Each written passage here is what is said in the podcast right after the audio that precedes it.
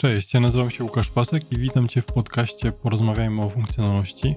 Jestem inżynierem wymagań, analitykiem biznesowym i systemowym. Głównym tematem tego podcastu jest tworzenie specyfikacji wymagań dla projektów i systemów informatycznych. Ten podcast jest dla każdego, kto chciałby wyeliminować błędy popełniane na etapie ustalania zakresu i tworzenia wymagań dla projektu IT. Przede wszystkim ten podcast pomoże Ci lepiej zrozumieć Twoją rolę w projektach informatycznych. Odcinek numer 10. Niekończące się UAT. Problem, który tutaj chcę opisać, to testy akceptacyjne wykazują nam braki, które blokują wdrożenie na produkcję. Ja taką historię przeżyłem nieraz. Pierwszy raz w firmie Sabre, Sabre to jest firma z branży lotniczej, bardzo duża firma z branży lotniczej. I to jest amerykańska firma, która szczyci się niezawodnością. Sabre twierdzi, i klienci się Sabre z tym zgadzają, że Sabre jest jak elektryczność. Zawsze jest. Zawsze działa. No może elektryczność w krajach rozwiniętych. Chociaż w dzisiejszych czasach to elektryczność już trochę zaczęliśmy się martwić, ale czasach, kiedy ja tam pracowałem, elektryczność to było coś, na czym można było polegać, podobnie jak Sabre. No i słuchajcie, takie Sabre, jakie dołączyłem, to byłem w projekcie, który już był tak nacenzurowanym, bo poprzednie wdrożenie tego projektu zakończyło się klapą. I ta porażka tego wdrożenia nadszarpnęła mocno relacje z klientem. Wszyscy się bali, co to będzie, czy czasem nie stracimy tego klienta. Klientem były dwie linie lotnicze z Indii, które się po prostu połączyły i które potrzebowały mieć teraz wspólne inwentory. Nie było czegoś takiego jak formalna specyfikacja taka zatwierdzona przez klienta, która by mówiła wszystko od A do Z, co ma działać w całym systemie. No to, była, to było w gestii Sabre. Ja byłem, uczestniczyłem w testach akceptacyjnych, ponieważ byłem odpowiedzialny tam za przetestowanie tego, że to dobrze działa. I myśmy naprawdę długo testowali nie znaleźliśmy. I jak rozmawialiśmy z y, klientem z Indii, to po pierwsze jedna śmieszna rzecz, Amerykanie ich nie rozumieli, mimo że Hindusi mówili po angielsku, to Amerykanin, native speaker, nie rozumiał tego akcentu azjatyckiego. I ja, słuchajcie, się też uczyłem z YouTube'a, jak rozumieć akcent azja azjatycki i się nawet tego nauczyłem i rozumiałem ich lepiej niż e, Amerykanie. Także na YouTubie są nie tylko śmieszne koty, ale poza tym są konkretne porady takie życiowe, czyli jak zrozumieć Hindusów mówiących swoim takim azjatyckim akcentem. Podczas tego UAT z tymi właśnie ludźmi z Indii wyszło, że oni zgłaszają, że coś im tam nie gra, ale tak konkretnie nie gra. Wyszła taka wtopa, że w momencie jak ktoś zapisywał się na listę oczekujących, czyli nie kupował biletu na samolot, bo nie było, ale wpisywał się na taką listę oczekujących, że jak się ten bilet zwolni, to on go kupi, to myśmy to robili, ale pod spodem w tym systemie inwentory, takim starym, korowym systemie Sabre o nazwie Green Screen, ustawialiśmy flagę. Status tej rezerwacji. I ustawiliśmy, tam były dwie wartości. Myśmy wybrali jedną, ustawili i okazało się, że ta wartość, akurat ta jedna, jedyna wartość, powoduje to, że te linie lotnicze nie mogą sprzedać tego biletu tym klientom. Nie mogą sprzedać biletu, bo żeby to zrobić, muszą przechodzić jakąś manualną procedurę. I, i dla linii lotniczej niemożność sprzedaży biletu to był duży problem, który nie był nigdzie wyłapany, dlatego że nigdzie nie było napisane w specyfikacji, jak ustalić tą flagę. A zmiana tego w tym system, starym systemie green screen to nie było 5 minut, tylko to był, no dosłownie z testami, dwa tygodnie przynajmniej roboty, straszne opóźnienie w topa i sprawę załatwił gość z marketingu, który tak długo czarował tych ludzi od strony klienta, aż w końcu wytłumaczył im, że oni w ogóle nie muszą sprzedawać tych biletów swoim klientom, że oni tego nie potrzebują i oni w to jednak uwierzyli, to przeszło, ale nie dlatego, że system był dobrze zrobiony, tylko dzięki wirtuazerii osoby w marketingu. Kolejną taką historią też z Sabre było to, to już lata temu było, mieliśmy system, który wliczał finansową dostępność miejsc. Czyli na podstawie tego, ile kosztuje bilet, my mówimy, czy on jest dostępny, czy nie. W tym systemie nie było spisanych wymagań, tylko były testy, testy, testy. Scenariusze testowe. Nie było spisanych takich wymagań podstawowych. I wszyscy zakładali, że w każdym samolocie są zawsze trzy kabiny.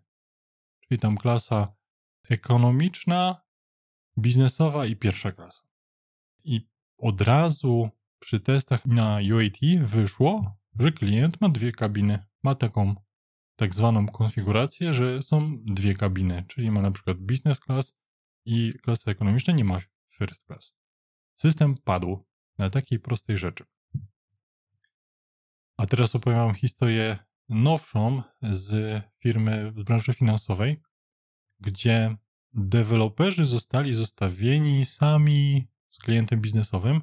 To dlatego, że ja tam pracowałem, ale ja akurat byłem zajęty zupełnie innym projektem i ci deweloperzy prostą historyjkę robili.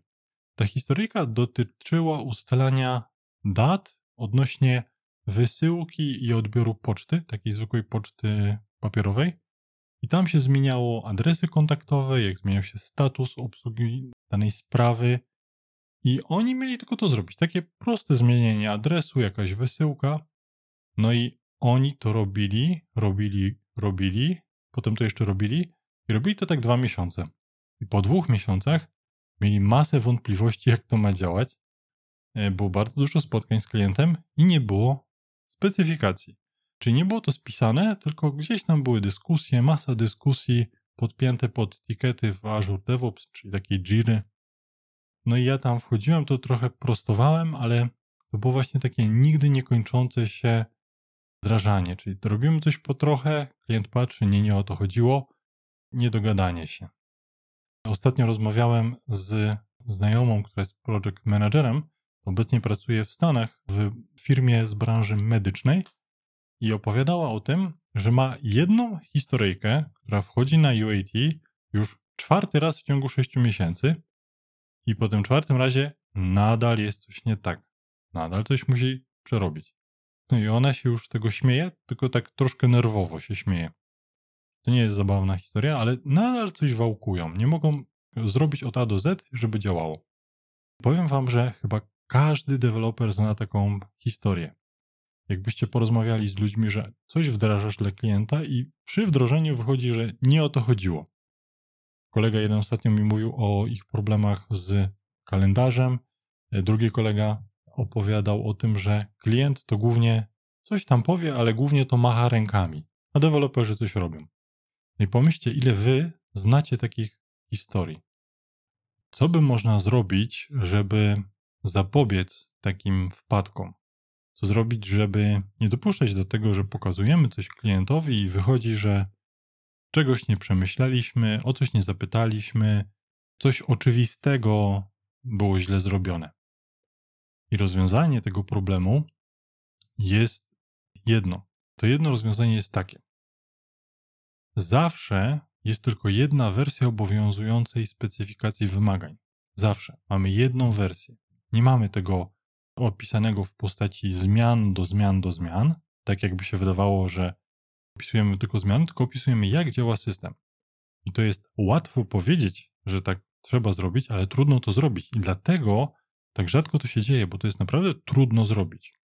Bo żeby to zrobić, potrzebne są cztery rzeczy. Ja wam je tutaj opiszę. Pierwsza rzecz to potrzebujecie platformy do trzymania wymagań w bezpieczny sposób taki, który oferuje kontrolę wersji, czyli one są zapisywane nie na waszym komputerze, nie na dysku, nie przesyłane gdzieś w formie plików, tylko one są trzymane w jakimś, jakiejś platformie. Ja obecnie używam Confluence, ale też w niektórych projektach SharePointa. I to jest dla mnie wystarczające. To jest pierwsza rzecz. Czyli jak macie tą pierwszą platformę, to druga rzecz, złota zasada jest taka, że specyfikacja wymagań jest w jednym miejscu. Czyli opisujemy, jak system działa, a nie jak on się zmieniał. Nie opisujemy tego, że zmień to i to, tylko opisujemy, co system robi. Tak jakby tylko istniała jedna wersja tego systemu. Jeżeli nie mamy opisu starych funkcjonalności istniejących, a robimy tylko zmianę, to musimy opisać kontekst dla tych nowych wymagań. Czyli jeżeli wyobraźcie sobie, jest jakaś lista użytkowników na stronie, ja muszę tam dodać jedną kolumnę, to ja nie opisuję tylko wymagania postaci dodaj kolumnę do listy użytkowników, tylko opisuję rzeczy w stylu. System ma wyświetlać listę użytkowników, ta lista użytkowników ma zawierać takie, takie, takie kolumny i wypisuję wszystkie, te stare, co tam były i tą nową.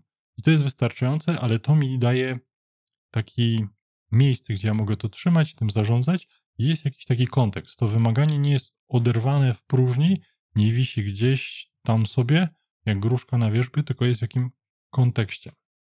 Nigdy nie można pisać w taki sposób, że koń jaki jest, każdy widzi, tylko musimy opisać ten kontekst. Nie możemy pisać, że ma działać tak, jak było, tylko z drobną zmianą, tylko musimy pisać, jak ma być. Także to była ta druga zasada. Specyfikacja wymagań w jednym miejscu.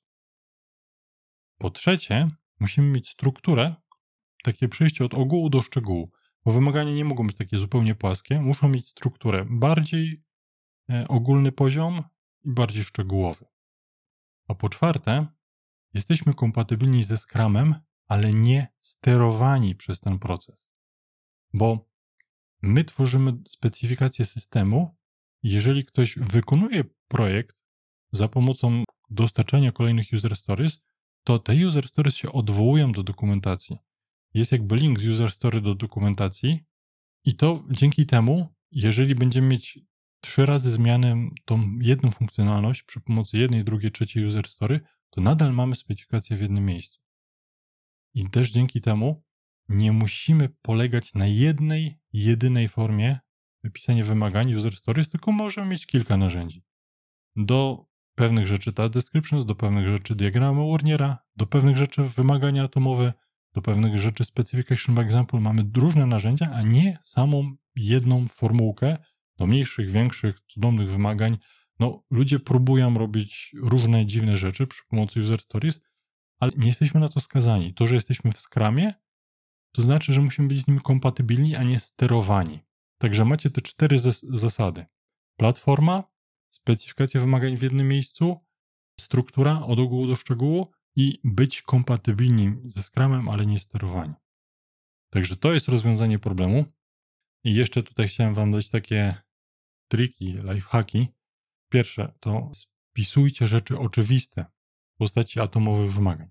Czyli jeżeli tym sabrem jest liczba kabin w samolocie, to warto napisać takie głupie, takie oczywiste, po prostu oczywiste wymaganie, że w samolocie są zawsze trzy kabiny. Skoro to jest nasze założenie, spiszmy to nasze założenie.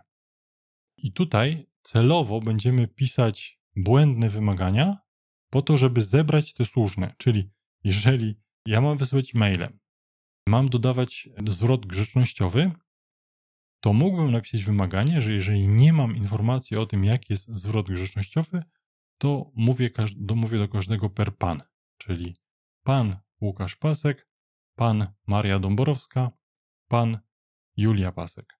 Jeżeli nie, nie mam tego e, zwrotu grzecznościowego i dzięki temu to jest głupie wymaganie, bo do kobiet nie zwracamy się per pan i ktoś to wyłapie. Celowo piszemy głupie wymagania po to, żeby wyłapać te poprawne. Wsadzamy ten kij w morowisko i mieszamy. I klient w końcu musi zobaczyć te wymagania. Czyli piszemy to po to, żeby ludzie to zobaczyli przed tym wdrożeniem. Dzięki temu, że tam te wszystkie założenia, oczywiste oczywistości typu liczba kabin samolocie będą, wartość flagi, jaka ma być ustawiona przy ustaleniu, wpisaniu się na listę rezerwujących, to klient to ma szansę wyłapać na wczesnym etapie, sprawdzić, zastanowić się. A jeżeli nawet tam coś nie pójdzie nie tak, to my to zapiszemy. Będziemy już mieć miejsce, zapiszemy się problem nie powtórzy. Nie będzie tak, że sześć razy wdrażamy tą, czy cztery razy wdrażamy tą samą historyjkę. Dziękuję Ci za wysłuchanie całego odcinka i zachęcam do subskrypcji kanału. Może w trakcie słuchania przypomniał Ci się ktoś, kto miał podobny problem. Wyślij mu proszę link, może znajdzie coś ciekawego dla siebie. Gdybyś chciał, chciała o coś zapytać albo o czymkolwiek porozmawiać, to zapraszam do kontaktu przez mój profil na LinkedIn. Do usłyszenia w kolejnym odcinku.